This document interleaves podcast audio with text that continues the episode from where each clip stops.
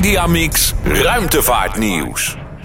Inderdaad, ruimtevaartnieuws hier in Mediamix op Den Haag FM. Ruim kwart over tien. Erik, ehm, we hebben heel veel te bespreken. Wat mij eigenlijk opviel toen jij de onderwerpen naar mij toestuurde. De maan is hot. De maan is heel hot, ja. Iedereen wil naar die maan toe. Iedereen wil naar de maan. En ze willen daar gaan wonen. En Wat, wat willen ze er allemaal gaan doen, joh? Ja joh, dit, nee, de maan is inderdaad hot. Eh, er gaan heel veel missies naartoe, missies worden gepland. Het is echt eh, ongelooflijk. Want eh, het laatste nieuws van de week was natuurlijk eh, Jeff Bezos, een nogal rijke Amerikaan die het bedrijf Amazon bezit. En die heeft een eigen ruimtevaartbedrijf, dat heet. Dat heet Blue Origin. En daar, hebben, daar hebben ze de Blue Moon ontwikkeld. De Blue Moon maanlander hebben ze afgelopen week hebben ze die ja, laten zien op een, op een groot podium. En gezegd van wij gaan in 2024 met deze maanlander willen wij naar de maan. En wij willen graag NASA van dienst zijn om dat met onze maanlander te gaan doen. Hoe haalbaar is dit nieuwe plan? Nou, qua tijdstip denk ik dat het niet haalbaar is. 2024 is niet, eh, ja, vanuit mijn perspectief haalbaar. Als je, als je alles moet, eh, als je alles in de tijd uitzet wat er nog moet gebeuren voordat, het, voordat ze echt mensen op de maan kunnen neerzetten, dan is 2024 niet haalbaar. Want hij moet eerst een ander project, geloof ik, eh, afronden. Een enorme raket heeft hij nodig. Ja, hij heeft een New Glenn raket. Dat is echt een eh, enorm ding van 100 meter hoog. En eh, daar, moet, daar, daar zou hij in principe mee naar, naar de maan kunnen. Alleen die raket bestaat nog niet. Ja, er zijn allerlei onderdelen van, die worden getest. Maar zeg maar het samenbouwen van dat ding, dat is nog niet gebeurd. En dat moet volgend jaar, eh, moet hij zijn eerste lancering hebben. En dat vind ik, ja, dat, dat, is, Volgend jaar. dat is heel snel hoor. Ja. Dat, eh, als, hij, als dat doorgaat. Die, die man is heel rijk, maar eh, ik denk dat als hij dit soort ambitieuze plannen heeft, dat hij heel snel door zijn geld heeft vliegen. Ja, wat, wat hij doet, hij, hij verdient natuurlijk heel veel geld met Amazon. En hij stopt nu in Blue Origin, stopt hij 1 miljard dollar per jaar van zijn Per eigen jaar. geld. Hij verkoopt zijn Amazon aandelen. Er- elk jaar verkoopt hij dat. En dan 1 miljard dollar aan aandelen stopt hij in zijn Blue Origin. Ja, en het probleem is natuurlijk dat hij niet de enige is die naar die maan wil. Want ik heb de indruk dat hij ook een beetje aan, aan het concurreren is met bijvoorbeeld ehm, die eh, meneer eh, van Tesla, die Elon Eh, Musk. hè? Elon Musk, ja, nee, die, die wil, Die wil daar ook naar de maan. Die, wil ook, die heeft ook eh, die ontwikkeling gestart. Ik denk dat hij iets kansrijker is om die, om die datum te halen, denk ik. Want? Omdat hij al zeg maar, de raketten heeft die de ruimte bereiken, zoals de Falcon 9 en de Falcon Heavy. En Blue Origin heeft een raket en die komt eigenlijk nu maar tot 100, eh, 100 kilometer hoogte. En eh, ja, om die stap te maken om echt naar 400 kilometer hoogte te gaan en naar 7 kilometer per seconde om in een baan om de aarde te komen, dat, dat is nog een behoorlijke stap die Blue Origin nog moet maken. En daarna moet je nog eens een keer helemaal naar de maan. En dan moet je nog eens een keer helemaal naar de maan. Ja. En daar om ja. de maan vliegen en dan daar weer landen. Ja, nee, precies. Dat, dat- er moet nog een hoop gebeuren voordat, eh, voordat je mensen op de maan neerzet. eh. En dan begrijp ik dat de NASA eventueel eh, het bedrijf van Jeff wil gaan financieren. Maar ja, meneer Musk wil dat waarschijnlijk ook wel. Ja, precies. En er zijn andere gegadigd die zeggen van meneer NASA mag ik wat geld? Ja. hoe doet de NASA dat? Want ze hebben ook eigen projecten. Ja, nee, precies. Ze hebben eigen projecten. Er gaat een hoop geld in om. Eh, bijvoorbeeld, ze hebben ook een eigen raket, de SLS. De, de Space Launch System. Ook zo'n hele grote raket die ze aan het ontwikkelen zijn. Ze hebben hun plannen om een, een, een, een station in een baan om de maan te bouwen. Ze hebben natuurlijk International Space Station, wat ze ook hebben. Waar een hoop geld in, in omgaat. En dus als NASA echt ook wil, eh, naar de maan wil in 2024... zullen ze toch een van die projecten toch wel moeten gaan stopzetten Ja. om dat geld vrij te maken om of Jeff Bezos of Elon Musk geld te geven om eh, naar de maan te gaan. Behalve deze commerciële personen die dus graag naar die maan toe willen. Eh, ja, even heel kort. Ze willen een maanbasis allemaal. Ehm, en wat willen ze nou doen op die maanbasis? Wat Wil je daar permanent gaan wonen? Ja, dat is wel uiteindelijk het doel om daar een permanente basis eh, neer te zetten. Net als International Space Station eigenlijk ook is, maar dan op de maan.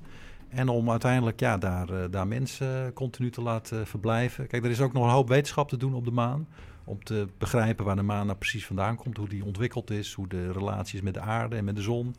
Wat er allemaal voor grondstoffen in, op de maan zijn die mogelijk gebruikt kunnen worden om ook weer satellieten in een baan om de aarde te, te voorzien van eh, brandstoffen en dat soort dergelijke. Dus eh, nee, er is nog een, er is een hoop reden om naar de maan te gaan hoor. Dus eh, Ja. En dan heeft natuurlijk Israël een poging gedaan. Dat is Ja. gedeeltelijk gelukt.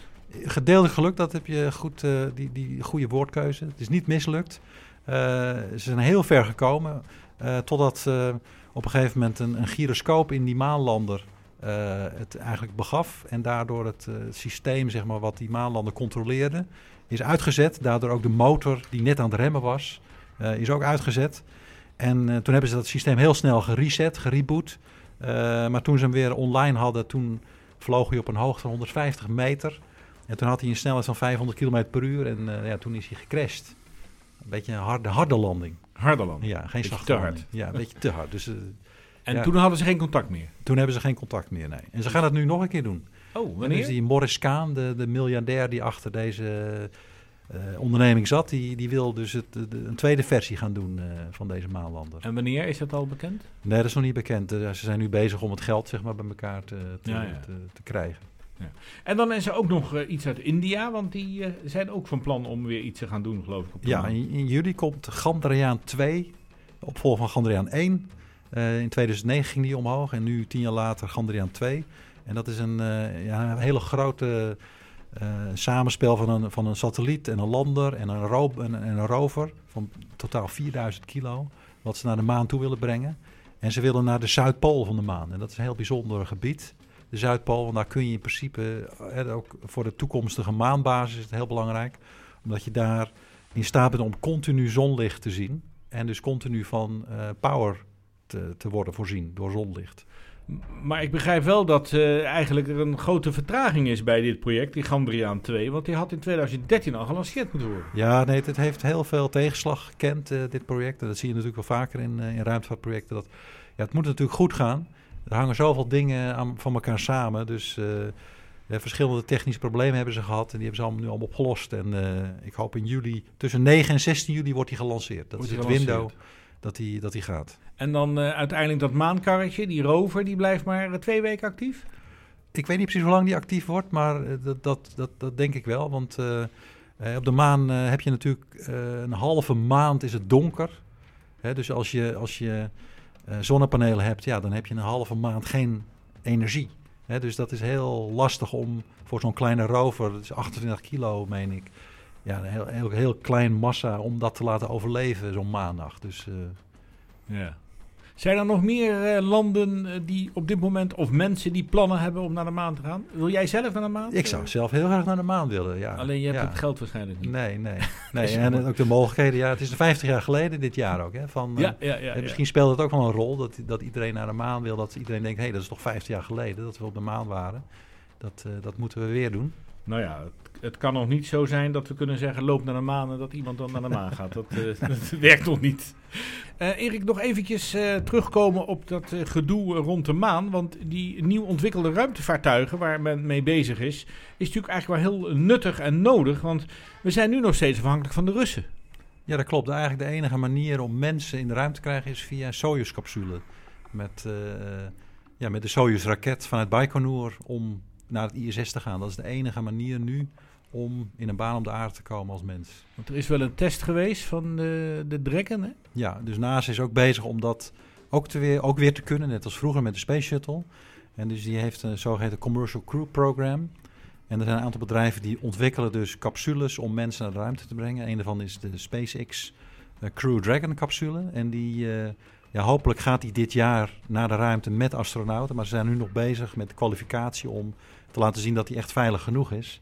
Alleen ja, iets van anderhalve week geleden is er zo'n capsule eigenlijk eh, ja, verloren geraakt in een test. Omdat er een, eh, een ontploffing is geweest in een van de motoren. En ze zijn nu aan het onderzoeken hoe dat nou precies komt. Hè. Voordat ze mensen in zo'n capsule stoppen, willen ze precies weten wat, die, eh, wat er nou gebeurd is. Dat is dus weer een dat tegenslag. is weer een tegenslag, ja. Ja, ja, ja. En ondertussen zijn alleen de Russen in staat om dat te doen, mensen naar de ruimte brengen. En dan kunnen de prijs dus flink opdrijven. Ja, ja. nee, dat, eh, dat kost behoorlijk wat als je naar de ruimte wil. eh. Ja, ja, ja, ja. dus dat moet eerst eh, goed.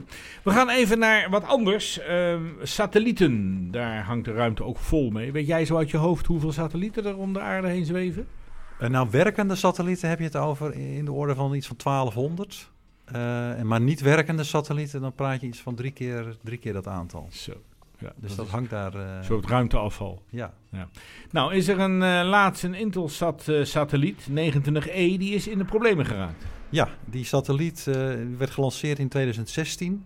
Eh, die werkte hartstikke goed. Maar op een gegeven moment zagen ze op beelden van een eh, bedrijf wat die satelliet in, in de gaten houdt met grote telescopen, zagen ze een soort vloeistofpluim uit die satelliet komen. En dat duidt op dat, eh, dat, eh, dat er een stuurstoflek is aan boord van die satelliet. Volgens hadden ze ook geen contact meer mee en is hij nu eh, aan het driften. En dat gebeurde ergens begin april. Is die satelliet nu zeg maar aan het bewegen in een geostationaire arc, zoals het heet. Hij kan zich niet meer goed in zijn baan houden. En ja, in die zin is het een bedreiging voor andere satellieten die daar in de buurt hangen. Je, kan, je zou een botsing kunnen krijgen, al is het de ruimte natuurlijk erg groot. Ja. En eh, de kans op botsingen erg klein. Maar goed, het is, ja, het is, het is, een, het is een tegenslag voor Intelsat, want ze verdienden, ze verdienden daar eh, behoorlijk wat geld mee. Want hebben wij er iets mee te maken met die satelliet? Eh, nou, we, we kunnen hem vanuit Nederland kunnen we hem ook zien. Dus allerlei telecomdiensten, nou ja. ja, die kun je ook van die satelliet krijgen. En, maar goed, hij, ja, hij werkt niet meer. Hij, hij loopt de hele tijd weg, zeg maar. Dus, Komt eh, het nog goed met die satelliet? Nee, dat komt niet meer goed. Komt niet meer goed, Nee, die is nee. afgeschreven. Ja, die is afgeschreven. Maar Ja. Erik, zijn er dan andere satellieten die het overnemen of zit er nu echt een gat in die dienstverlening? Nee, er zijn andere satellieten die dat overnemen. Dus Intelsat heeft al met eh, die andere bedrijven, Inmarsat, SCS, nog wat van dat soort bedrijven, die hebben allerlei overeenkomsten dat als er satellieten uitvallen, dat ze elkaars diensten zeg maar eh, supporten. Ja, want er mag geen gevaar lopen, die dienstverlening. Nee, dus Nee, precies. nee dat, dat, dat, er is op zich genoeg capaciteit bij al die geostationaire satellieten om de dienstverle- dienstverlening op peil te houden. Ja, het was een eh, brandstoflek, zei jij. Ehm, er zitten zonnepanelen op zo'n satelliet. Er zitten hele grote zonnepanelen op deze satelliet. Precies, dit is echt een satelliet van de grootste soort. Eh, 6500 kilo in totaal. En de zonnepanelen, als je die helemaal uitvouwt, dan heb je, echt over, dan heb je het over een spanwijdte van 25 meter. Zo. Dat is echt een beest van, een beest van een ding. Want het leuke is, over die zonnepanelen gesproken. We zitten hier eh, vlakbij een bedrijf dat die Ja. dingen maakt. Hè? Nee, klopt, de andere kant van de, van de A4, daar zit Airborne Composites. Dat wist ik niet op. Nee, ik, ik wist het wel, maar ik was daar laatst voor een, voor een rondleiding. Toen besefte ik dat eigenlijk, dat het zo dichtbij was eh vanaf Dat is dus een echt ruimtevaartbedrijf. Dat is een echt ruimtevaartbedrijf. Ze doen wel meer ook voor andere, andere toepassingsgebieden. Maar wat ze voor de ruimtevaart doen is het maken van panelen. Waarop ze eh, ook weer andere bedrijven dan weer zonnecellen opzetten. Eh, en die panelen gaan dus de ruimte in aan boord van die satellieten om uit te vouwen. En het bijzondere van deze panelen zijn dat ze heel licht zijn, maar e- extreem sterk. En ze gebruiken dus dat materiaal, composietmateriaal, om, om dat te kunnen. Om hele lichte en hele sterke zonnepanelen te Ja, maken. ja, want de eisen voor, eh, een, voor een zonnepaneel ehm, wat in de ruimte wordt gebruikt, is natuurlijk heel zwaar, neem ik aan. Ja, die eisen zijn heel zwaar. Ze moeten een lancering eh, overleven. Dus aan boord van zo'n satelliet. eh, ja, eh, daar, daar zijn de trillingen enorm. Als je die met de raket meegaat. Ja, dan van normale hardware blijft er weinig over. Dus dan zou je denken, nou, dan moeten we hele zware materialen gebruiken. Roestvrij staal. Daar maken we alles van. Maar dan, dan komt die raket niet omhoog. Dus je moet het heel licht maken. En ja, composiet is gewoon echt een supermateriaal daarvoor. En eh, dat bedrijf Airborne, wat hier aan de overkant zit, dat maakt dus die, die, die, die panelen. Die maakt die panelen, dus voor zonnepanelen, maar ook voor satellietstructuren. En wat het mooie is van het bedrijf, ik was er laatst voor een, voor een rondleiding, is dat ze ook heel veel robots hebben staan om het echt maar te automatiseren. Ze, kunnen hele, ze hebben hele automatiseringstechnieken om ja, automatisch eh, bepaalde panelen te maken. Het is echt heel indrukwekkend als je daar eh, rondloopt. We gaan ze een keer uitnodigen. Dan mogen ze wel eens wat Ja. meer vertellen over het bedrijf, toch? Ja. Lijkt me heel interessant. Dan eh, tot slot nog even, Erik, een vooruitblik naar de uitzending van 30 juni hier straks in Media Mix. Want het wordt een bijzondere uitzending. Ja, 30 juni, want dat is precies 111 jaar eh, sinds de Tunguska-asteroïde eh, boven Siberië ontplofte. Ik was er niet bij. Nee, er waren heel weinig mensen bij, gelukkig. Want het was eh, duizend Hiroshima-bommen tegelijk. Goeiedag. Eh, en dat heeft een gebied van 2000 vierkante meter eigenlijk ja, met de grond eh, gelijk gemaakt. Geen boom stond er meer overeind. Omdat die asteroïde die kwam binnen in de atmosfeer van de aarde met een snelheid van 17 km per seconde. Die is daar ontploft.